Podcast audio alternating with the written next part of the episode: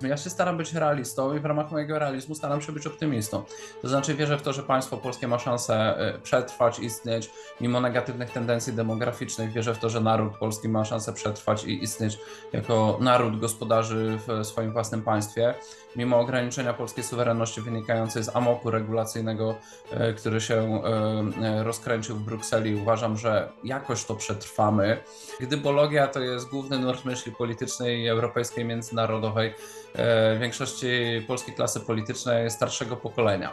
Mam wrażenie, że oni e, są uwięzieni w pewnych wyobrażeniach o świecie oczekiwaniach wobec świata i po prostu e, z wyjątkowym uporem próbują testować prawdziwość tych swoich wyobrażeń i oczekiwań. Po prostu pewne rzeczy związane z konfrontacją pomiędzy władzami państwa polskiego a innymi aktorami w polityce międzynarodowej, mimo ogromnej niechęci, E, i chęci pokazania Polsce, gdzie jest jej miejsce, zostały odłożone na trochę później. Natomiast ta irytacja, ta niechęć nie zmieniła się w żadne partnerstwo.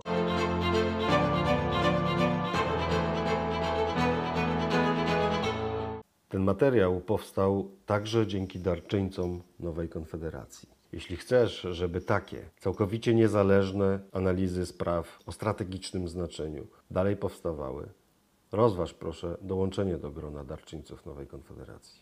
Bartłomiej Radziejewski. Dzień dobry Państwu, nazywam się Bartłomiej Radziejewski i witam w Pomówmy Realnie, programie, w którym o sprawach strategicznych rozmawiamy z osobistościami życia publicznego. Ten odcinek wiąże się z kampanią wyborczą i po rozmowie z Ryszardem Sznepfem jest to kolejny odcinek, w którym pytam przedstawicieli partii politycznych polskich o ich wizję polityki zagranicznej oraz bezpieczeństwa. Dzisiaj rozmawiam z Krzysztofem Bosakiem, prezesem Ruchu Narodowego, jednym z liderów partii Konfederacja, e, najmłodszym kiedyś posłem, e, a także w dalekiej przeszłości redaktorem Nowej Konfederacji. Dzień dobry Krzysztofie. Dzień dobry Bartku, dzień dobry Państwu, dziękuję za zaproszenie. Nie będziemy tutaj udawać, że jesteśmy na pan, gdy jesteśmy na ty, więc e, autentyczność jest naszą siłą w tej rozmowie. Natomiast e, nie może Krzysztof Bosak oczywiście z tego powodu liczyć na taryfę ulgową, o tym zapewniam. Krzysztofie, e, przypuśćmy, że jestem e, niezdecydowanym wyborcą jedziesz ze mną windą w takiej dłuższej trochę podróży, niekoniecznie 5 czy 10 pięter, tylko może 30 albo 50 i e, ma dla mnie szczególne znaczenie polityka zagraniczna i bezpieczeństwa. Interesuje mnie wizja polityki zagranicznej Konfederacji. Jak byś ją zaprezentował, żeby mnie przekonać? W najprostszych słowach to nasza wizja polityki zagranicznej to jest polityka racji stanu i interesu narodowego. E, pozbawiona poprawności politycznej i programowania jej z zagranicy. Uważamy, że jesteśmy w polskiej polityce jedyną partią polityczną, która ma mentalną zdolność do powiedzenia nie w sytuacjach, w których ktoś z zewnątrz narzucałby nam nowe zobowiązania, które nie są korzystne dla Polaków.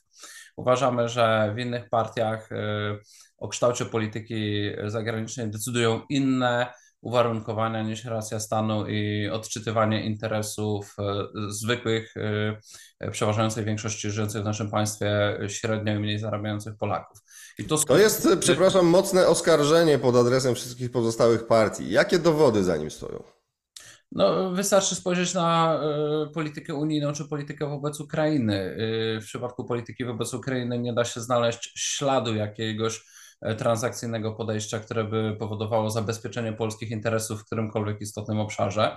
Mamy wyłącznie e, futurystykę rojenia, jakieś kalkulacje, które generalnie nie mamy żadnych dowodów, że się sprawdzają.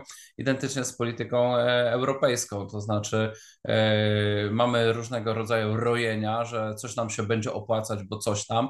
Natomiast na poziomie faktów mamy po prostu wzrost kosztów wszystkiego, co wynika z regulowanych przez Unię Europejsą i mamy ekspansję regulacyjną Brukseli, której rewersem jest zacieśnianie możliwości swobodnego prowadzenia polityki w, w wielu obszarach przez nasze własne państwo. Szczytem wszystkiego jest warunkowanie polityczne wydawania środków unijnych, na które zgodził się rząd PiSu w 2020 roku, e, które jako jedynie prawidłowo oceniliśmy od razu kilka dni po szczycie, czytając po prostu ustalenia tego szczytu, a wszystkie inne partie polityczne i wszystkie inne media oceniały to jako dobrodziejstwo, sukces albo co najmniej jako warunkowy sukces. E, więc można by powiedzieć, że to, co powiedziałem, wydaje się być oczywiste i trudno znaleźć jakiekolwiek argumenty dla kontrtezy. Okej, okay, tylko w takim razie powiedz, z czego to wynika? Bo mówisz o mentalnym zerwaniu, ale czy to rzeczywiście jest kwestia mentalna? Bo jak słuchałem polityków PiSu zanim rządzili przed 2015 rokiem, to byli mentalnie całkowicie tacy jak wy, tak? Mówili o Nieprawda. zerwaniu, o stawaniu z kolan i tak dalej. Pozwól mi dokończyć. Na poziomie deklaracji y, mówili to samo. Zerwijmy z zewnętrznymi zależnościami, suwerenność nasza własna polska wola y, i tak dalej, twarda walka o polskie interesy. Po czym, gdy doszli do władzy, natychmiast zaczęli mięknąć. Czy to nie jest kwestia bardziej interesów, uwikłań, tego, że można deklarować co się chce, ale potem rzeczywistość krzeczy, bo na przykład amerykańscy lobbyści zbrojeniowi mają cokolwiek większą siłę przebicia niż wielu innych. Znaczy, oczywiście są interesy i one zawężają nam pole na arenie międzynarodowej, ale moim zdaniem niedocenianym czynnikiem, szczególnie w przypadku PiSu, jest po prostu zwyczajna hipokryzja. Przypomnijmy, że retoryka PiSu z 15 czy 14 roku dotycząca mm, poszerzania sobie pola manewru jest nic nie warta wobec faktu, że jest to partia, w której łamano kręgosłupy wszystkim, którzy krytycznie podchodzili do traktatu lizbońskiego, nie chcieli go poprzeć. A przecież traktat lizboński nie był niczym innym niż zawężeniem naszej pozycji, naszych możliwości w ramach Unii Europejskiej i wzmocnieniem ośrodka brukselskiego. Trzeba też przypomnieć, że nie był to żaden wypadek przy pracy, tylko wynik długookresowej myśli e, polityczno-europejskiej prezesa tej partii, twórcy Jarosława Kaczyńskiego, który po prostu był zawsze politykiem e, w jakimś sposób, nazwijmy to, stabilnie, strategicznie zafascynowanym projektem, tak zwanym projektem europejskim i integracji europejskiej. Jarosław Kaczyński to jest stała część jego wywiadów, jego myśli politycznej chyba od 30 lat. Uważa integrację europejską w formie Unii Europejskiej za rzecz w zasadzie bezalternatywną, głównie e, ze względów e, bezpieczeństwa, a także ze względów cywilizacyjnych. Jako miarę sukcesu we wszystkich swoich przemówieniach podaje kwestię e, tak zwanego materialnego doganiania państw zachodnich. Właściwie na jakieś różnice kulturowe, ustrojowe, polityczne on tam za bardzo nie wskazuje. Przynajmniej nie, nie wydają się one odgrywać dla niego roli pierwszoplanowej. Wiele lat temu jeszcze w przypływach szczerości mówił o wzmacnianiu ośrodka brukselskiego władzy przeciwko najsilniejszym państwom narodowym. Oczywiście od kiedy rozwinął się krytycyzm wobec wpływu instytucji unijnych i one zaczęły działać przeciwko rządowi PiS, to tą retorykę schował, ale warto o niej pamiętać, bo to jest ciekawa myśl. Mówił o tworzeniu armii europejskiej jako czegoś, co miałoby rzekomo w publicznych wywiadach, żeby było jasne. Nie mówię o żadnych kuluarowych rozmowach, bo takich nie prowadziłem na te tematy. E, mówił o wejściu... Tak, przepraszam, akurat z armią to było bardzo ciekawe stwierdzenie, ponieważ on powiązał zgodę na głęboką federalizację Unii Europejskiej właśnie z armią. To wydaje się nieprzypadkowe, dlatego że przecież armia jest atrybutem realnej państwowości, takim e, niekwestionowanym, prawda? Czyli tak, gdyby tak. Unia stałaby się realnym państwem z realną wolą obrony na przykład każdego kraju na wschodzie, tak, za pomocą wspólnej armii, to wtedy on za federalizacją wystąpi. Gdyby, to słowo gdyby mówi wszystko. To znaczy, y, gdybologia to jest główny nurt myśli politycznej, europejskiej, międzynarodowej w większości polskiej klasy politycznej starszego pokolenia.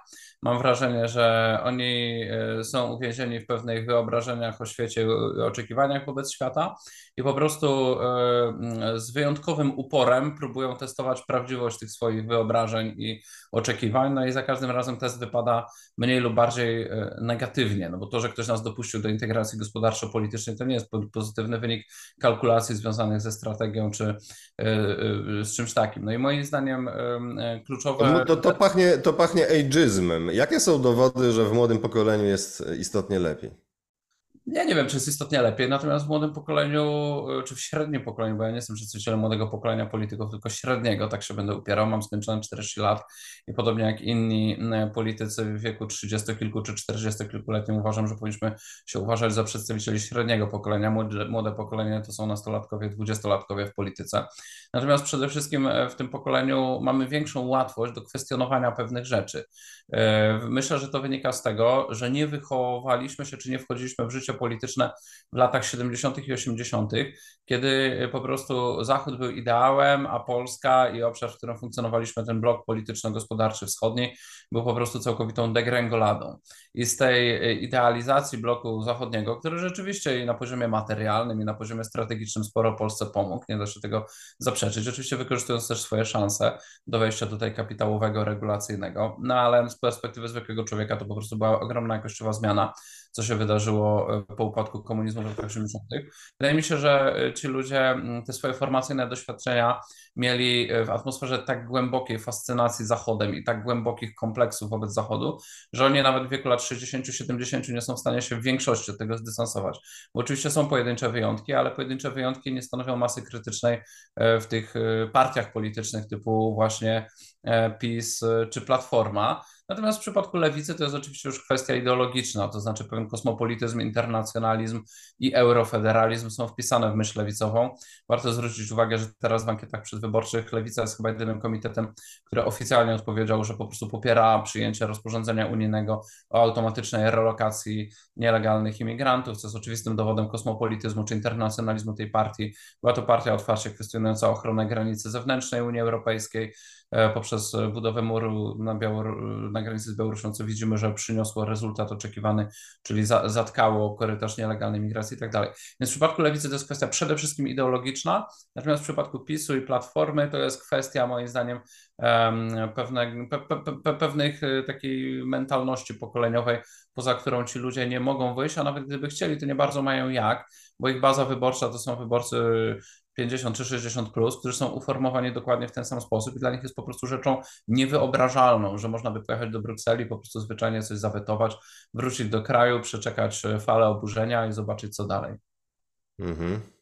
No dobrze, to skoro jesteście wolni w Konfederacji od tych e, obciążeń, jak mówisz, jak byście doprowadzili do wzrostu pozycji międzynarodowej Polski, czy też, jeżeli może taki jest cel, zminimalizowania strat? Bo wydaje się, że ostatnio sporo strat E, no więc mi się wydaje, że to drugie jest dużo bardziej realistyczne. To znaczy w tej chwili nie widzę jakichś e, takich trwałych, e, strukturalnych przesłanek do wzrostu pozycji międzynarodowej Polski. Jeżeli już możemy mówić o jakimś takim wzroście absolutnie minimalnym, typu, że ta krzywa jest prawie płaska i tam, prawda, jakieś promile sobie rośnie. I to wynika ze wzrostu gospodarczego i z tego, że na świecie jest jakiś taki respekt, dlatego że Polska miała przez wiele lat wzrost gospodarczy i że stała się nowoczesną gospodarką, nowoczesnym społeczeństwem. E, paradoksalnie jest to rzecz, o której często najmniej pamiętamy i najmniej mówimy, a jest to jedna z niewielu rzeczy, które w ogóle robią wrażenie moim zdaniem za granicą i powodują, że ktoś może na Polsce zatrzymać swoją uwagę i zastanowić się, hej, co to za państwo w Europie Wschodniej, bo tak dokładnie jesteśmy pozycjonowani i też powinniśmy jakby sobie to e, otwarcie, e, bez kompleksów przyznać, że jesteśmy klasyfikowani jako państwo Europy Wschodniej, czy nam się to podoba, czy nie, przez większość osób myślących o polityce międzynarodowej na świecie. Co to za państwo, które tak gospodarczo fajnie wyrosło, prawda? Kiedy inne były w stagnacji, albo rozwijały się wolniej, albo szły od kryzysu do kryzysu, ta polska gospodarcza sobie jakoś tak się ładnie rozwinęła. I to jest e, jedna z rzeczy. No plus oczywiście to, że mieliśmy cały ten proces przemian pokojowy i że generalnie mamy dosyć coś, coś co prawie nikt w sferze opiniotwórczej nie wierzy, a co ja jako jeden z niewielu mówię. To znaczy, że mamy dość pokojowe i dość harmonijne życie społeczne. Jest to jeden e, nasz wielki atut. E, doceniany też przez cudzoziemców, którzy tu przyjadą. Oczywiście mam na myśli cudzoziemców ze świata zachodniego chociaż pewnie i cudzoziemcy z innych kontynentów też potrafią to docenić. Więc e, to są jakieś takie atuty, ale to nie są twarde atuty, takie, że my będziemy układać politykę międzynarodową. To od razu chcę się odnieść do takiego zarzutu, że czasem nasze środowisko jest e, o jakieś tendencje mocarstwowe i megalomanii oskarżane. Jest wprost odwrotnie. U nas jest całkowity sprzeciw wobec megalomanii, którą widzimy właśnie u polityków PiSu, Platformy, e, którzy uważają, że będą robić jakąś wielką politykę, może nie globalną, ale regionalną, czy tak zwaną wschodnią, przy czym pod kryptonimem polityki wschodniej to często się y, aspiracje niemalże globalne mieszczą, prawda, że Polska będzie tutaj istotnym aktorem w rywalizacji globalnych potęg i y, odchyli y, trajektorię kursu historycznego w pożądany przez siebie sposób, nie mając do tego ani wystarczających kompetencji, ani narzędzi. To my jesteśmy właśnie wielkimi krytykami po takiej linii, powiedziałbym, realistycznej, czy to wywodzonej ze szkoły właśnie e, krakowskiej szkoły historycznej, takiego konserwatywnego realizmu, czy jeżeli weźmiemy właśnie taki realizm Romana Dmowskiego i podejścia do stosunków międzynarodowych e, analizowanych jako obszar rywalizacji interesów państwowych i narodowych, to my tu jesteśmy za pewnym umiarem, to znaczy może za taką zasadą nie pchać palców między drzwi, prowadzić politykę proporcjonalną do swoich możliwości. Te możliwości są policzalne, no i jak je policzymy, no to one nie są duże. No na przykład po to, żeby y, zrobić y, jakąkolwiek zmianę na Ukrainie, oddaliśmy prawie całe swoje sprawne uzbrojenie, którym dysponowaliśmy, no i rząd PiSu to oddał, no i jakby... No, prawie całe, tak prawie całe to duża przesada. Oddaliśmy mniejszość, prawie całe to duża przesada. Oddaliśmy mniejszość sprzętu ciężkiego i mm, co więcej, głównie tego starego, który zastępujemy nowym. tego starego, który, na którego modernizację wcześniej wydaliśmy miliardy złotych i eksperci szacują, że jest to y, równowartość uzbrojenia jednej pełnej dywizji lub więcej i że odbudowanie tych zasobów zajmie nam mniej więcej dekadę, a w tej chwili wydatki zbrojeniowe zostały zwiększone z 2 do 4, ponad 4 PKB, przy czym jest to głównie zadłużenie i ten wzrost faktyczny jest jeszcze większy, dlatego że tajemnicą Poliszynela jest, że do tych 2% PKB natowskiego współczynnika, który niby spełnialiśmy, liczone są bardzo obfite wydatki e, emerytalne jeszcze za wszystkie przywileje z czasów PRL, więc finansujemy dobre życie wszystkim, którzy wtedy nabyli różnego rodzaju przywileje. Natomiast, e, natomiast oczywiście ten wzrost w tej chwili o te dodatkowe 2 e, czy 2,5 punkta procentowego PKB, no to już jest czysty wydatek na nowe uzbrojenie, więc można by powiedzieć, nawet jeżeli ktoś uważa, że to jest niedużo, no to widać, że to skutkuje w tej chwili mniej więcej dwukrotnym wzrostem wydatków na obronność. Dla mnie to jest dużo, no ale każdy ma prawo do swojej e, oceny. Wracając, y, uważamy, że minimalizowanie strat w polityce międzynarodowej jest tym, co jest możliwe. Poprawa pozycji może wynikać z poprawy siły gospodarczej państwa polskiego. Siła gospodarcza może się przekładać następnie na siłę strategiczną, to znaczy na zdolność do robienia dużych projektów e, mających wymiar biznesowy albo strategiczny oraz oczywiście finansowania e, swojej armii, swojej dyplomacji, e, swojego wywiadu na wyższym poziomie, gdzie wiadomo, że skutki zależą od kompetencji, ale też zależą od finansowania. Bardzo trudno jest uzyskać nowe zdolności, nie wydatkując na to odpowiednich pieniędzy. To się może odbyć raczej w drodze wyjątku niż, niż jest zasadą, a to trzeba powiedzieć, że te zmienne uprawiania polskiej polityki zagranicznej są w tej chwili niezwykle mizerne. To znaczy, my mieliśmy dotychczas m, na przykład wojsko pozbawione wystarczającej liczby środków transportu czy zaplecza logistycznego, dyplomację pozbawioną finansowania. E, Historia o tym, że polscy dyplomaci to są ci, którzy starają się nie zapłacić za lunch, bo nie mają na to pieniędzy, bo nie mają zapłaconego ubezpieczenia zdrowotnego. To są rzeczy po prostu kompromitujące nasze państwo. Afera wizowa, pokazująca całkowitą degrengoladę po prostu e, zarządzania w Ministerstwie Spraw Zagranicznych, które też jest takim miejscem z punktu widzenia politycznego, gdzie widać, że różne, e, niestety tak to trzeba powiedzieć, kadrowe no, mm, nie chcę mówić nieładnie, no ale po prostu nie było to oczko w głowie przez ostatnie 8 lat partii rządzącej Platforma też nic nie wskazuje na to, że była skupiona jakkolwiek na modernizowaniu polskiej dyplomacji. Najbardziej spektakularne, co zapamiętaliśmy, to minister Radosław Sikorski za, zamykający niepotrzebne Polsce placówki, prawda? Yy, Nie chcę popadać w przesadnie pesymistyczne czy krytyczne tony, bo wiem, że w MSZ pracuje wielu ludzi o propaństwowym nastawieniu, którzy starają się mimo niesprzyjających czasem okoliczności dobrze wykonywać swoją pracę i nie chciałbym oceniać wszystkich za te patologiczne przypadki, ale na poziomie politycznym e, nikt nie był przez ostatnie dekady skupiony na tym, żeby poprawiać sytuację państwa polskiego na arenie międzynarodowej, budując nowe narzędzia uprawiania polityki. Najlepszym tego przykładem jest Ukraina.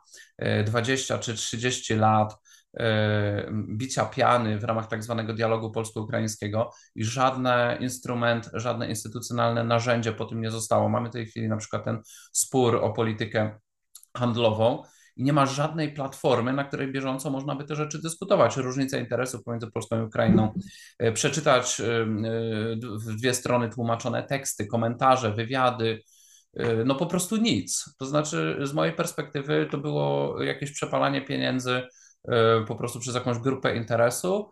Albo to było, albo, jeszcze gorzej, jeżeli to nie chodziło o przepalenie pieniędzy, to robili to ludzie, ten cały dialog robili ludzie zwyczajnie źle zadaniowani albo wręcz głupi, to znaczy, którym wydawało się, że robią coś istotnego, ale tak naprawdę y, kręcili się jak ten pies, który goni własny ogon i kiedy przyszła chwila próby, okazało się, że kamień na kamieniu z tego nie zostaje, że nic z tego nie ma. Mhm. No dobrze, z konkretnych rzeczy, aha, bo jeszcze zanim przejdę dalej, to chciałem powiedzieć, że zaskoczyłeś mnie trochę tak e, nisko oceniając szanse Polski na arenie międzynarodowej. Myślałem, spodziewałem się tu z podejścia bardziej ofensywnego. Znaczy, Mówisz, no, że może wzrost gospodarczy, ale no to ja podam, podam również inne elementy, tak? To znaczy wzrost pozycji Polski wynika z wojny ukraińskiej. Polska ma absolutnie kluczową rolę ze względów No, geograficznych w zapewnianiu, w zapewnianiu e, w zapewnianiu Ukrainie pomocy, ale też w realizacji amerykańskich i europejskich interesów bezpieczeństwa na wschodzie. Tylko ich nie wykorzystuje, prawda? Więc to jest różnica między pozycją a rolą. Nasza pozycja wzrosła, nasza rola nie za bardzo. Myślałem, że e, powiesz coś więcej na ten temat. Również można powiedzieć, że oprócz wzrostu gospodarczego, który często bywa motorem napędowym potęgi, widzimy to na wielu przykładach, no ale nie jest jedynym wymiarem potęgi, no to ogólnie polska potęga rośnie, prawda? Jako europejskiego lidera wzrostu gospodarczego, ale jako też ostatnio lidera europejskich zbrojeń e, na przykład. E, Tylko znów pytanie o kapitalizację. Skąd ten fatalizm, Krzysztof? Od, ra od razu się odniosę. To nie jest fatalizm. Ja się staram być realistą i w ramach mojego realizmu staram się być optymistą. To znaczy wierzę w to, że państwo polskie ma szansę y, przetrwać, istnieć mimo negatywnych tendencji demograficznych. Wierzę w to, że naród polski ma szansę przetrwać i istnieć jako naród gospodarzy w swoim własnym państwie, mimo ograniczenia polskiej suwerenności wynikającej z amoku regulacyjnego, y, który się y, rozkręcił w Brukseli. Uważam, że jakoś to przetrwamy. E, Natomiast, e, więc we mnie jest pewien optymizm. E, Głównie mój optymizm wynika z tego, że wydaje mi się, że przez 20 lat już ponad swojej aktywności w życiu społeczno-politycznym widzę coś w rodzaju szybko postępującego politycznego dojrzewania naszego narodu, szczególnie średniej i młodszej generacji, która po prostu dzięki też wejściu Polski do Unii Europejskiej i 20 latom intensywnego podróżowania wyzbywa się kompleksów i Polacy zaczynają po prostu wierzyć w to, że są takim samym narodem jak inne a może nawet pod pewnymi względami mającym jakieś pozytywne cechy. Wcześniej Polacy tak za bardzo o sobie nie myśleli, nasze myślenie było przez, być może przez wieki skażone różnymi kompleksami. Być może stoimy przed dziejową szansą, żeby z tych kompleksów wreszcie wyjść i zacząć o sobie myśleć e, w taki sposób, jak jeszcze o sobie nie myślimy, tylko czyli jako o samodzielnym ośrodku e, po prostu kultury politycznej. Wiem, że tobie też ta myśl towarzyszyła e, przez wiele lat, żeby Polacy czuli się kontynuatorami kultury politycznej, która ma długą historię, ma pewną swoją wewnętrzną dynamikę, wewnętrzną autonomię. I to mi się wydaje, że jest możliwe, ze względu też na wysokie poczucie dumy narodowej Polaków. Natomiast rozgraniczam te procesy kulturowe od twardych, e, strukturalnych czynników, które sprawiają, że jakieś państwo jest silne w polityce międzynarodowej, może narzucać swoją wolę. I teraz przejdźmy do tych dwóch aspektów, które poruszyłeś, dlaczego ich nie wymieniam. Po pierwsze, uważam, że cały wzrost pozycji międzynarodowej Polski wynikający z wojny na Ukrainie jest em, mirażem, jest absolutnie przereklamowany, jest wyrazem braku realizmu w polskiej sferze opiniotwórczej, e, branie tego czynnika jako czegoś istotnego. Dlaczego? Przede wszystkim dlatego, że on jest mocno tymczasowy. On jest mocno tymczasowy, to znaczy e, w momencie, kiedy ta wojna się skończy, a wierzę w to, że ona się skończy, bardzo na to liczę, e, mam na to nadzieję, bo jakby no, nie będę rozwijał, wszyscy wiemy, że wojna jest zła i po prostu psuje y, nie tylko warunki życia, prowadzi do zbrodni, ale też y, po prostu destabilizuje całe otoczenie i ma, ma same negatywne skutki. Natomiast wierzę, że to się skończy i wówczas też wygaśnie ta nadzwyczajna pozycja Polski. Poza tym ta nadzwyczajna pozycja Polski nie jest używana przez polskich polityków. Też pytanie, no, gdybyśmy zaczęli twardo używać tej pozycji tranzytowej, trochę grać tym instrumentem, z jakim oporem byśmy się spotkali. Dopiero wówczas tak naprawdę zostałoby to przetestowane. E, Polscy politycy, Tak. którzy rząd- rządzą Polską, czyli ekipa pisowska, widać, że absolutnie nie ma odwagi przetestować tego, co to jest warte. E, Można, że tak powiem, e, upokorzyć ich publicznie i oni i tak e, wyjdą i powiedzą: Tutaj nasze wsparcie jest bezwarunkowe, wszystko dostaniecie. Polska jest stabilnym partnerem, można nas obrażać, można nam interesy gospodarcze popsuć, politycznych w ogóle nie uwzględnić, ale my i tak będziemy twardo wspierać, bo po prostu tacy już jesteśmy, tak? Więc, więc to jest rodzaj jakiegoś syndromu sztokholmskiego. Natomiast, natomiast pomijając już te kwestie, to też moim zdaniem budzi na arenie międzynarodowej swego rodzaju irytację. To znaczy, y, dobrze wiadomo, że my weszliśmy w tą e, wojnę e, i w te e, całe operacje pomocowe w sytuacji, kiedy rząd polski na arenie międzynarodowej z różnych powodów był poddawany czasowej albo i niekoniecznie czasowej izolacji. To był spór o ustawę o IPN i wpływy izraelsko-żydowskie w Stanach Zjednoczonych. E, To jest spór o praworządność w Unii Europejskiej i to jest kilka innych kwestii. E, I te rzeczy zostały, moim zdaniem mają rację niestety lewicowo-liberalni publicyści, którzy uważają, że te rzeczy nie zniknęły. One zostały tylko po prostu odłożone trochę bardziej na potem. I im bardziej w tej chwili one są odłożone, tym bardziej e, one wrócą. To znaczy, polska pozycja w tej chwili, po prostu pewne rzeczy związane z konfrontacją pomiędzy władzami państwa polskiego a innymi aktorami w polityce międzynarodowej, mimo ogromnej niechęci, i chęci pokazania Polsce, gdzie jest jej miejsce, zostały odłożone na trochę później. Natomiast ta irytacja, ta niechęć nie zmieniła się w żadne partnerstwo. To, te opowieści o tym, że teraz nasze państwo ma wielki podziw i tak dalej, bo żeśmy tyle tam uzbrojenia przekazali i takiej pomocy udzielili. Moim zdaniem to jest absolutnie w Polsce przeceniane. Tak naprawdę te, y, te opowieści na niektórych robią wrażenie, ale to jest mniejszość. To są czasem jacyś idealistycznie nastawieni działacze organizacji pozarządowych, a nie twardzi y, dyplomaci czy liderzy polityczni, którzy często są cyniczni i po prostu zwyczajnie ich to za bardzo nie obchodzi, e, że Polacy się tam poświęcają. No to tak jakbyśmy, to jest to samo myślenie, jak dla mnie to jest echo takiego myślenia historycznego, że Polacy e, rujnując swoją stolicę i e, e, tracąc ogromną liczbę ludności cywilnej w Powstaniu Warszawskim, nabyli jakiś kapitał moralny. No może nabyli, tylko problem jest w tym, że tego kapitału nigdzie nie można użyć bo po prostu nikogo to nie obchodzi. I, I tak samo jest moim zdaniem w tej kwestii. Żeby było jasne, nie kwestionuję sensu pomocy y, ludziom, którzy potrzebują naprawdę pomocy, czyli prawdziwym uchodźcom. To jest zupełnie inna kwestia. Takie rzeczy można robić y, też nie licząc na żaden rewanż na arenie międzynarodowej. I tak powinniśmy myśleć o swojej pomocy. Tak? Pomoc to jest pomoc, natomiast polityka to jest polityka. Mhm. Z konkretnych rzeczy, jedną z najbardziej rdzeniowych i wspomnianych zresztą przez Ciebie kilka razy już dzisiaj kwestii problematycznych w polskiej polityce zagranicznej jest nasza pozycja w Europie. Wpadliśmy w niezłe tarapaty związane z nieprzyznaniem pieniędzy z Krajowego Planu Odbudowy, ale też fundusze spójności zostały nadszarpnięte. Są widoki na kolejne pozwy, kolejne problemy Polski w Unii Europejskiej. Rząd PiSu obiecywał bardziej asertywną pozycję, politykę Polski w Europie. Skończyło się to nie najlepiej. Wy obiecujecie jeszcze bardziej asertywną niż PiS. E, jak to może się skończyć i e, czy polexit w tej sytuacji jest opcją, czy nie jest opcją? Bo hasło polexitu w waszych szeregach się przewija. E, polexitem to grają przede wszystkim nasi przeciwnicy przeciwko nam, dlatego że my polexitu ani nie proponujemy, ani nie przygotowujemy. E, w odróżnieniu od różnych innych sił e, krytycznych wobec Unii Europejskiej, czy po prostu otwarcie antyunijnych, nigdy nie zgłaszaliśmy pomysłu robienia referendum w tej sprawie. To wynika z odcinka... A jak Grzegorz Braun mówi, że Unia Europejska to dzieło szatana, to jak to należy rozumieć? Ja nie wiem, czy tak powiedział. Ja współpracuję z Grzegorzem Braunem, ani razu takiego sformułowania od niego nie słyszałem. Natomiast oczywiście przy barnej retoryce e, każdemu od czasu do czasu można wyciągnąć jakieś ostre sformułowanie, natomiast od ostrego sformułowania do propozycji politycznej jest jeszcze duża e, e, e, różnica i istotne, tak. istotne jest to, co proponujemy. Tak? To, co proponujemy, to jest w obecnym kontekście jak najlepsze zabezpieczenie polskich interesów w Unii Europejskiej.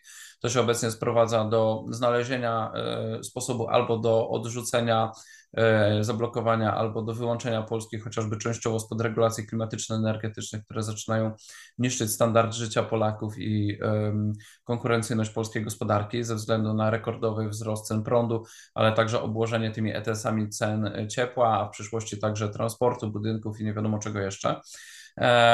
To jest e, następnie e, znalezienie jakiejś miary, E, co do w ogóle podziału kompetencji, dlatego że jak wchodziliśmy do Unii Europejskiej, mówiono i to było takie podręcznikowe ujęcie, że mamy kompetencje dla państw członkowskich, dla Brukseli współdzielone, a w tej chwili wydaje się, że już wszystkie są współdzielone. E, ośrodek Komisji Europejskiej, czy Parlamentu Europejskiego, czy Trybunał Sprawiedliwości Unii Europejskiej po prostu z dnia na dzień może zaingerować w każdą sprawę. No i jeżeli to jest ośrodek unijny, no to jest przyjmowana zasada wyższości. Moim zdaniem, e, i co więcej, w nowych propozycjach traktatowych, które są w Parlamencie Europejskim w tej chwili dyskutowane, jest już pójście całkowicie na 100% w tym kierunku. To znaczy, żeby po prostu no, przekształcić to w jakiś taki centralistyczny projekt. E, te rzeczy trzeba odrzucić. Żeby te rzeczy odrzucić, mam na myśli te pogłębianie centralizmu unijnego, E, to trzeba zbudować masę krytyczną nie tylko Konfederacji, ale wielu sił politycznych w Polsce, dlatego że eurokraci mają metodę przeczekania opozycji. Oni wiedzą, że jakby orkiestrują swoje działania w skali kontynentu i po prostu jak gdzieś nadarzy się rząd, który czegoś nie chce, no to po prostu można go przeczekać. Tak zrobili na przykład z Konstytucją dla Europy, przeczekali kilka rządów, kilka państw, które w referendum odrzuciły, trochę skorygowali nazwę, trochę skorygowali przepisy i to weszło jako traktat lizboński. Myślę, że podobna próba może być teraz, dlatego musi być konsensus w klasie politycznej, gdzie są nasze czerwone linie, jeżeli chodzi o utratę suwerenności i o oddanie jej. No i moim zdaniem na przykład polityka budżetowa, czyli to, co oddał Morawiecki, to jest przejście czerwonych linii, czyli przyznanie, bo to Morawiecki zrobił, oni się bronią, że oni to zrobili jednorazowo. No, znamy taką metodę precedensów. Coś się zrobi jednorazowo, później jest świetny pretekst, żeby zrobić to ponownie i zrobić z tego trwałą regułę. Czyli oni dali Brukseli prawo e, do e, jednorazowego zaciągnięcia zadłużenia na ten fundusz covidowy, ale proszę zwrócić uwagę, że w przypadku nakładania europodatków już nikt nie mówi o jednorazowości, tylko mówi się o nowych zasobach własnych Unii Europejskiej. E, więc ta retoryka, że to jednorazowo, to wyjątkowo, to pod kryzysem, ona się nie broni. E, I tutaj e, oddanie kompetencji budżetowych, nawet my kwestionujemy nawet tryb, w jakim się odbyło w polskim Sejmie. To znaczy, mm, to było głosowane jak jakaś zwykła ustawa, a, a nie jak coś znacznie poważniejszego. E, wracając, więc tak, polexitu nie proponujemy, e, bo i ze względów e, gospodarczych, i ze względów społecznych wydaje się w tej chwili po prostu niewykonalny.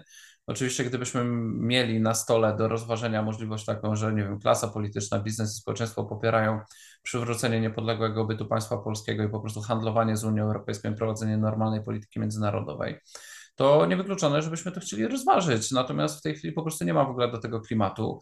Być może Polacy trochę muszą w kość e, gospodarczo e, dostać jeszcze od Unii Europejskiej, e, żeby zanalizować sobie, czy ten zysk bilans zysków i strat jest dla nas korzystny, czy nie. Ja tego nie wiem, bo jakby też nie znam przyszłości, nie wiem, w którą stronę to pójdzie. Może na przykład regulacje wymuszające elektromobilność, wymuszające całkowitą dekarbonizację energetyki gdzieś w międzyczasie w ciągu najbliższych 10 czy 15 lat się rozmyją i się to okaże jakiś czarny sen, e, e, który ciążył nad Europą. Nie wiem, Europa zacznie bronić swoich granic, prawda, i stanie się miejscem bezpiecznym i przewidywalnym do życia, gdzie jest wolność, można mieć też konserwatywne czy chrześcijańskie poglądy i nie trzeba być prześladowany przez jakichś komisarzy z Brukseli, tak, bo już się to też zaczęło. Minister Buda rozsyłający okulniki po samorządach, członek rzekomo konserwatywnego rządu PiSu, że jeżeli tylko ktoś ma podejrzenie, że nawet coś nie jest sprzeczne, ale może być zinterpretowane tak, jakby było sprzeczne z wartościami tam wszystkimi y, politycznie poprawnymi, to żeby takie uchwały uchylać po to, żeby były środki europejskie. No przecież to nie ma nic wspólnego już z suwerennością i jakąś autonomią i y, co nam obiecywano przy przystępowaniu do Unii Europejskiej. No to jest wyraz desperacji PiSu, w którą się sam wpędził, prowadząc taką politykę, a nie inną, prawda? No, Czyli no, no nie do końca, pieniędzy, dlatego że... Nie ma tych pieniędzy, nie ma tamtych pieniędzy i ponieważ ale, ale jak na froncie centralnym, to próbują bokami zrekompensować to. Jak to się stało? Zwracam uwagę, że w tej chwili mamy kilka kanałów y, blokowania Polsce pieniędzy, nie jeden. Opinia publiczna skupiła się na KPO, co było wynikiem błędów negocjacyjnych z 2020 roku i stworzenia nowego systemu rozdań pieniędzy unijnych, y, co ochoczo poparła Lewica, e, Platforma poparła milcząco czy PSL. My jedynie kontestowaliśmy, bo postawy tak zwanej suwerennej, wcześniej Solidarnej Polski nie uznaje za kontestację, ponieważ jak ktoś jest częścią rządu, który to akceptuje, to to akceptuje, a jak mówi coś innego, to tylko mówi, to to nie ma znaczenia. E, mniejsza o to. Poza tym mamy po prostu inne kanały y, blokowania czy kwestionowania Polsce środków i mm, to się stało po prostu, moim zdaniem polscy politycy całkowicie przecenili swoją rolę w Unii Europejskiej. Oni dali się e, nabrać na retorykę. E, moim zdaniem jedną z niewielu osób, która to powiedziała wprost, był jeden z eurodeputowanych PiSu. Moim zdaniem eurodeputowani PiSu mają trochę więcej swobody w wyrażeniu swojej opinii.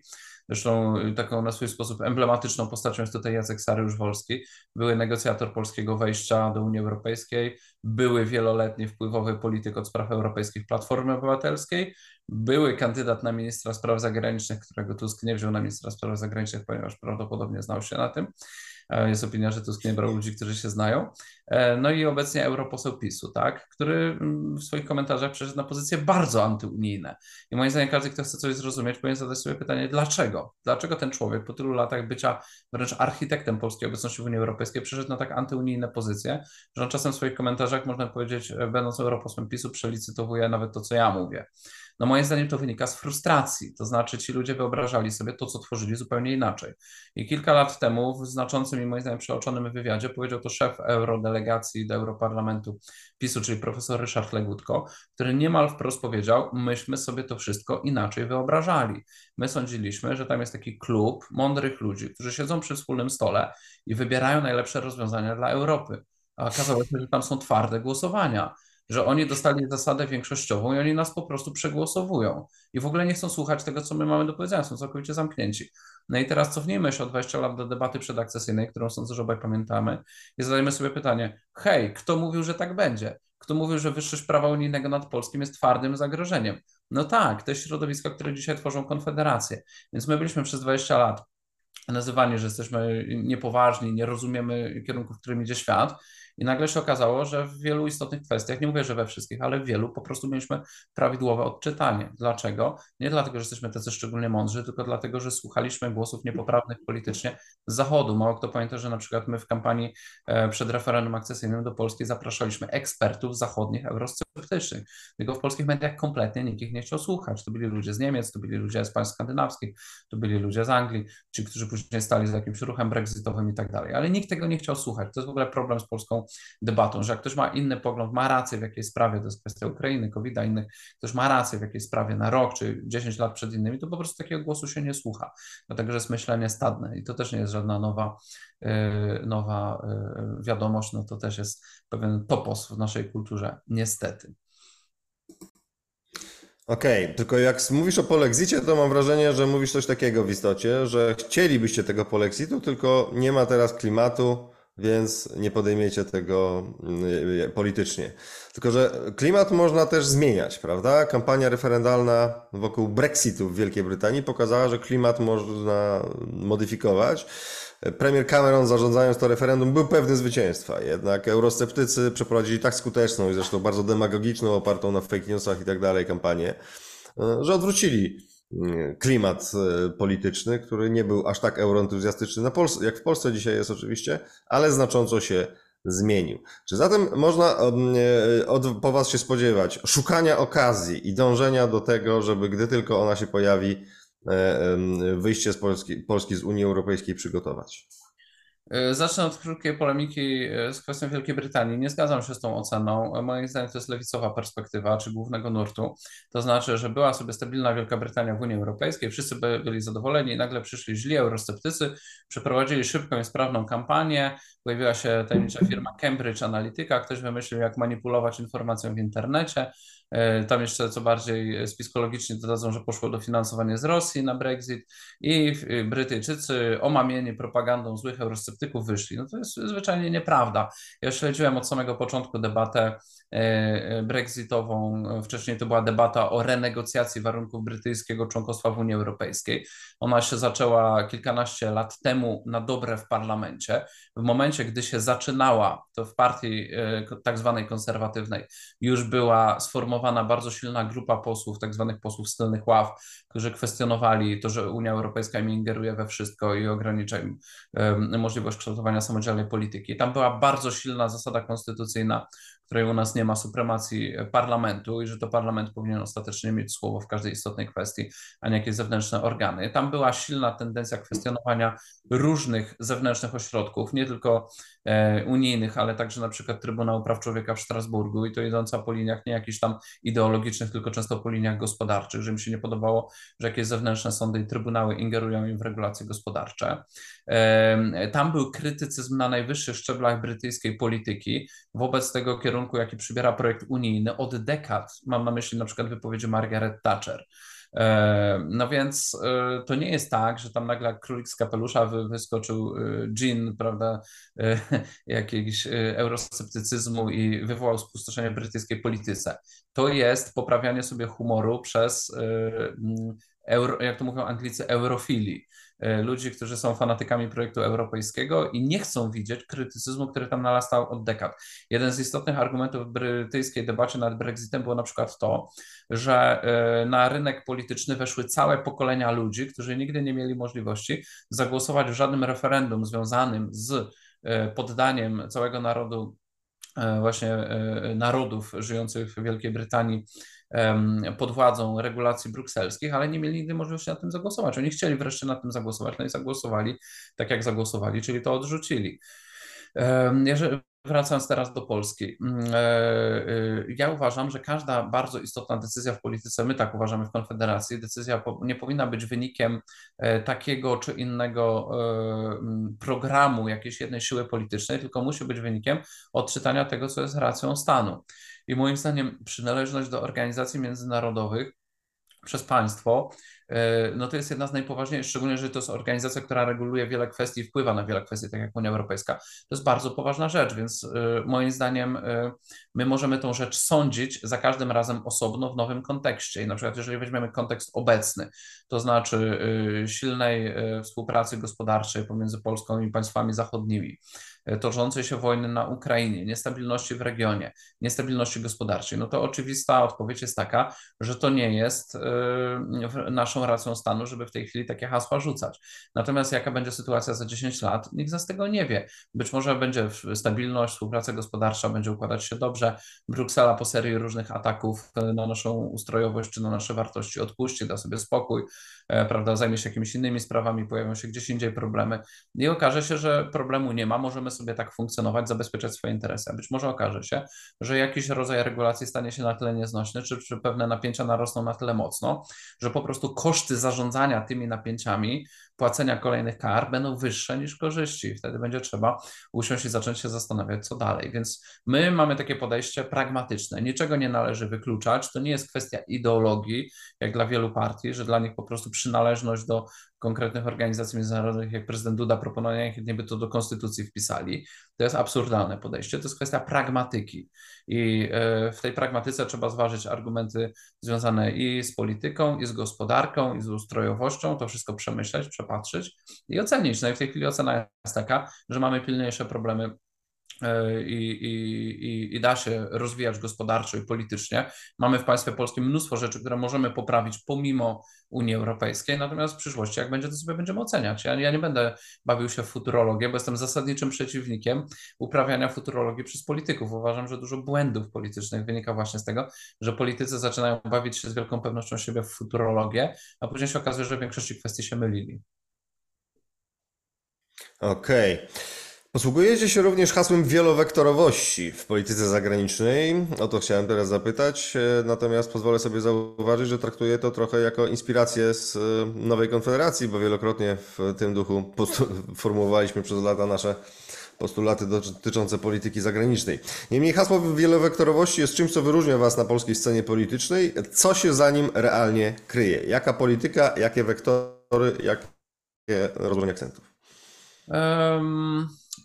To nie jest łatwe pytanie. Y, może zacznę od tego, że y, my nie rozumiemy to jako jakiegoś konkretnego programu, czy jako jakiejś konkretnej doktryny polityki zagranicznej. W szczególności od razu oddalam zarzuty, mm, że chcemy jakiegoś odwrócenia sojuszy i że na przykład y, to, to tym argumentem operują niekiedy pisowcy, ale też pewnie inni.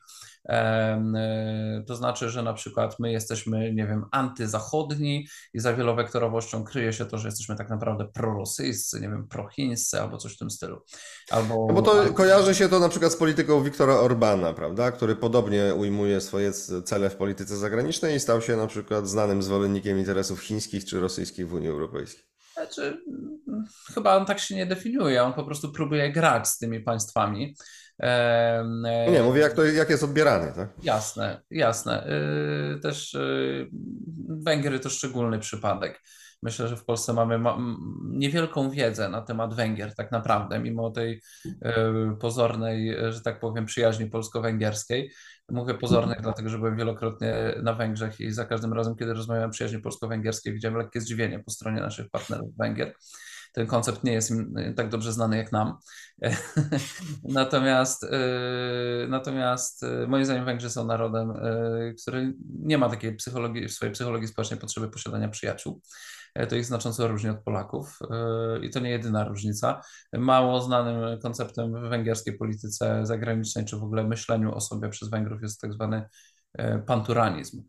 Polecam, żeby zapoznać się z tymi koncepcjami, co powoduje, że mm, nawet dla partii narodowych węgierskich posiadanie jakichś dosyć intensywnych i zażyłych kontaktów w świecie muzułmańskim nie jest niczym nadzwyczajnym i to, to co jest dla nas negatywnym punktem odniesienia, na przykład, nie wiem, najazd Mongołów, czy jakieś elementy kultury wiem, tatarskiej, czy, czy, czy to, to, turańskiej, to co dla nas, czy nawet e, jeżeli weźmiemy myśl Feliksa Konecznego, profesora Feliksa Konecznego, turanizm jako negatywny stereotyp w polityce, no Węgrzech to jest pozytywny stereotyp i to jest część ich dziedzictwa.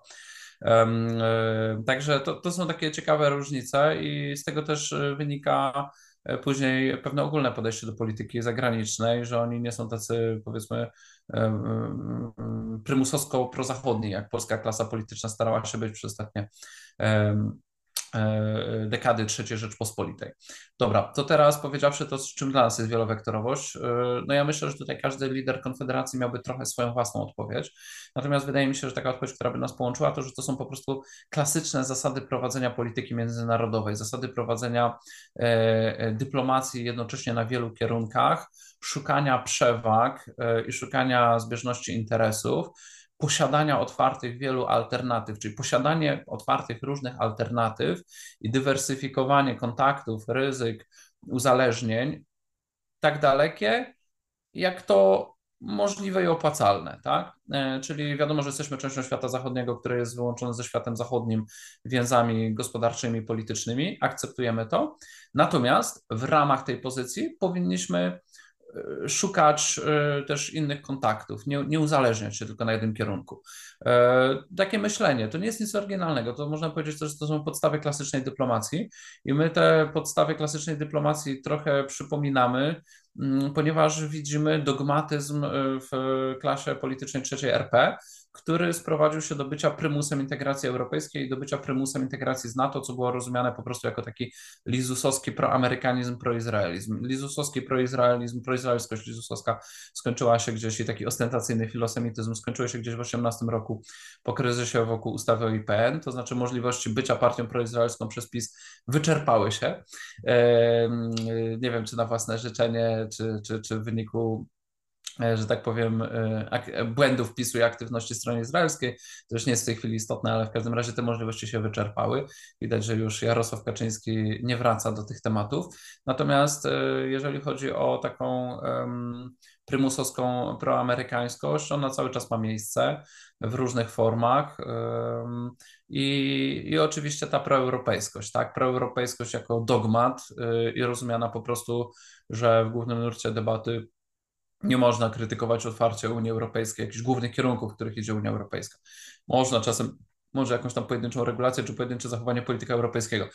Ale żeby podjąć dyskusję o strategii politycznej Unii Europejskiej, kształcie ustrojowym, o tym, czy na przykład w Unii Europejskiej w ogóle jest praworządność, czy jej nie ma, czy jest jej więcej niż w Polsce, czy mniej, to to jest e, jakiś temat tabu. No i my po prostu to odrzucamy. Na tym polega ta wielowektorowość, tak? Plus oczywiście pod względem handlowym, no to powinniśmy się dywersyfikować, powinniśmy się skupiać na, e, na handlowej e, mocno polityce i na dyplomacji ekonomicznej, czego oczywiście nie robimy, co oczywiście było zapowiadane i przez rząd Tuska i Morawieckiego, ale jakby skończyło się na jakichś przymiarkach, na dobrych chęciach, na próbach reform.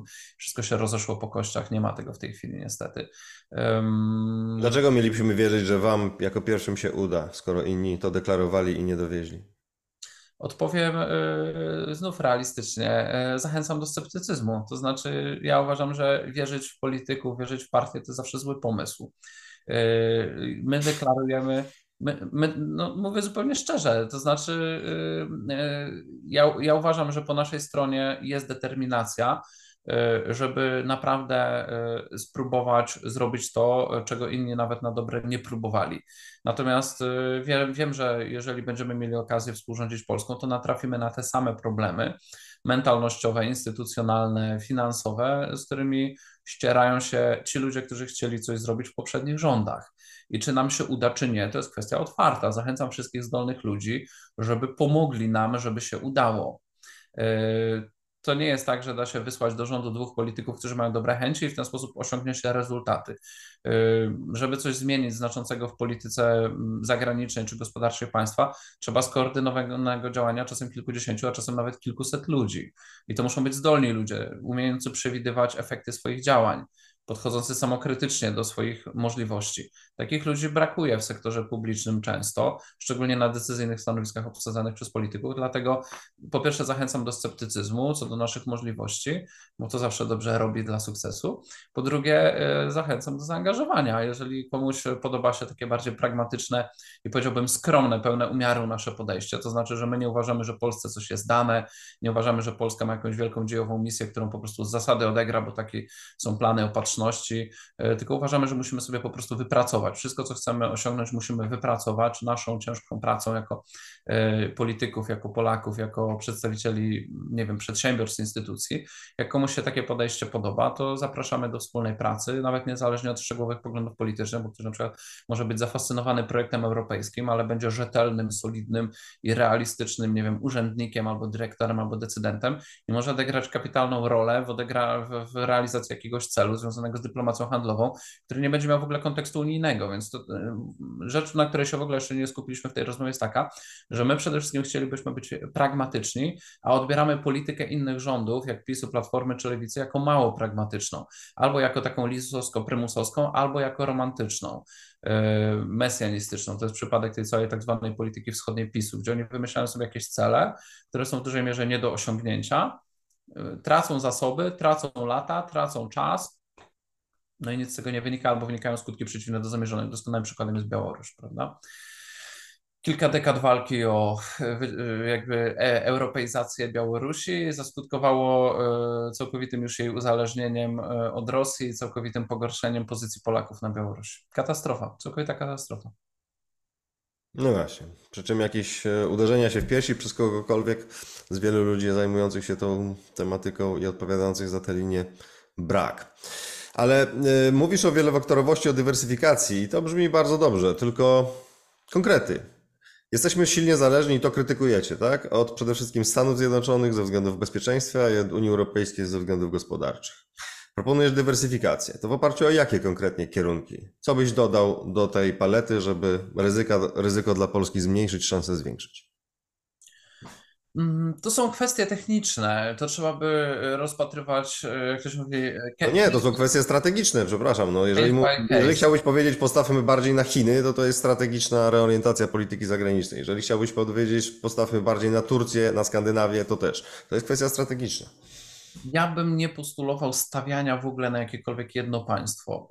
To jest zawsze zły pomysł, dlatego że to nie ma sensu. Trzeba rozpatrywać bardzo konkretne rzeczy. To znaczy, e, kto, e, czego my potrzebujemy, kto nam co dostarczy i na jakich zasadach.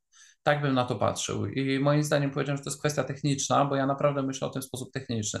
Znaczy, na przykład, jeżeli kupujemy uzbrojenie, to powinniśmy kupować wyłącznie na takich zasadach, żebyśmy wyłącznie my decydowali o tym, czy to uzbrojenie wystartuje i będzie strzelać.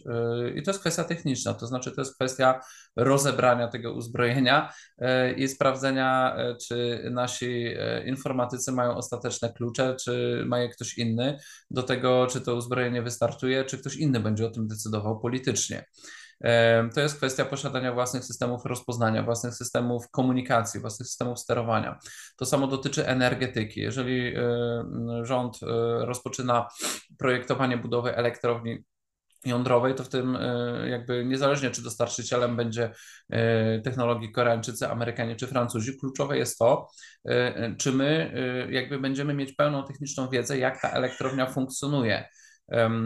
Czy będziemy od kogoś uzależnieni, na przykład, że ktoś będzie nas mógł, mówiąc krótko, szantażować, że nie wiem, że to nie będzie działać prawidłowo, jeśli coś tam. My powinniśmy, jesteśmy na tym etapie, nie, że będziemy robić wielkie światowe deale. Jesteśmy na tym etapie, że musimy mieć prawidłowo funkcjonujący system państwowy, którego nikt z zewnątrz nam po prostu nie może jednym przyciskiem wyłączyć. A gdy będziemy w tej sytuacji, że mamy, nie wiem, system bankowy, system telekomunikacyjny, system obronny, którego nie można z zewnątrz wyłączyć, wtedy możemy zacząć myśleć o czymś innym. Na razie nie jesteśmy na tym poziomie, dlatego zachęcam do studzenia wszystkich, którzy snują światowe wizje, prawda, jakieś sojuszy globalnych. Ja widzę dyskusje w internecie, szczególnie y, młode, rozpalone załamanej głowy, bo wiadomo, jak się spojrzy na globus, popatrzy, że tam jest kilka państw, to to rozpala takie myślenie w kategoriach przestrzennych, natomiast my musimy skupić się na rzeczach dużo bardziej przyziemnych, tak?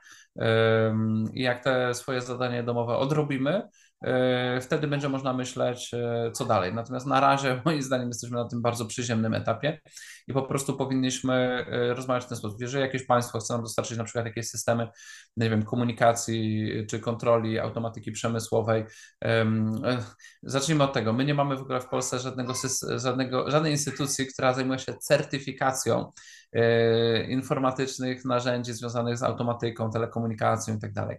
My musimy stworzyć ośrodek, który się będzie zajmował tym, cyberbezpieczeństwem rozumianym jako analizą tych wszystkich aspektów um, i brać po prostu od tych, którzy są gotowi dać nam e, zajrzeć e, w kod, po prostu po to, żeby nie móc nam różnych rzeczy powyłączać. Żeby nie było takiej sytuacji, że kupimy drony, które w kluczowym momencie po prostu nie wystartowały, bo na przykład wylądowały, bo jakby miały instrukcję, że nie przekroczą jakiejś tam granicy, bo tam się kończy strefa wpływu interesów, e, nie wiem, wyznaczonych dla nas, tak? My potrzebujemy drony, które polecą tam, gdzie zdecyduje dowództwo Sił Zbrojnych Rzeczypospolitej.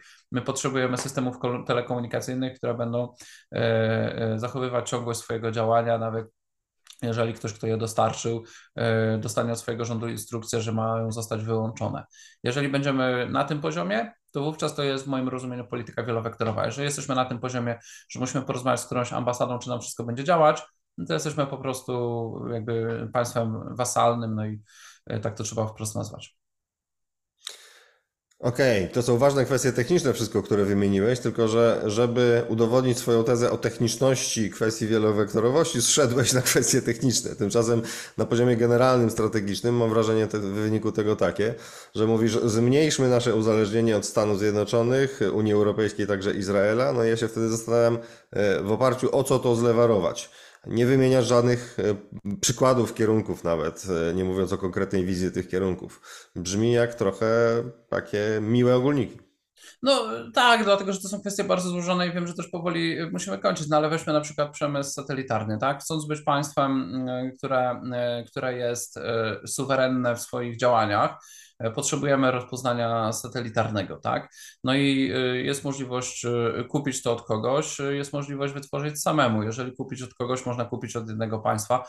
Tutaj wojsko zdecydowało się na przykład kupić od Francuzów, tak? Kupno od Francuzów, a nie na przykład od Amerykanów jest już jakimś wyrazem jakiejś wielowektorowości, prawda? Mamy dwa wektory, prawda, europejski i amerykański, a nie tylko jeden. Później równolegle uruchomienie programu, a wiem, że jest w wojsku taki program, żeby wytworzyć swój, swój własny system e, obrazowania satelitarnego, jest kolejnym jakby elementem budowania takiej suwerenności w tym zakresie. I to jest coś, co można pochwalić, ten sposób, te, ten sposób, tak? To znaczy yy, yy, sprawdzić, przy czym na przykład jeżeli chodzi o Francuzów, to wedle mojej wiedzy yy, kupujemy produkt w paczce bez kluczy, czyli Francuzi będą decydowali, czy satelity, satelita, satelity, za które zapłacimy, będą działały, czy nie. Więc w tym aspekcie uniezależniamy się od Amerykanów, uzależniamy się od Francuzów, ale równolegle pracujemy nad wytworzeniem własnej, nie wiem, zdolności operacyjnej w zakresie obrazowania satelitarnego. No i tak, tak bym do tego podchodził po prostu. Jeszcze raz, case by case konkretnie. Na tym musimy skończyć. E, dziękuję bardzo Państwu za uwagę. Dziękuję Krzysztofie za przybycie i Twój czas i uwagi. I zapraszamy na kolejne odcinki Pomówmy Realnie. Dziękuję bardzo, pozdrawiam serdecznie.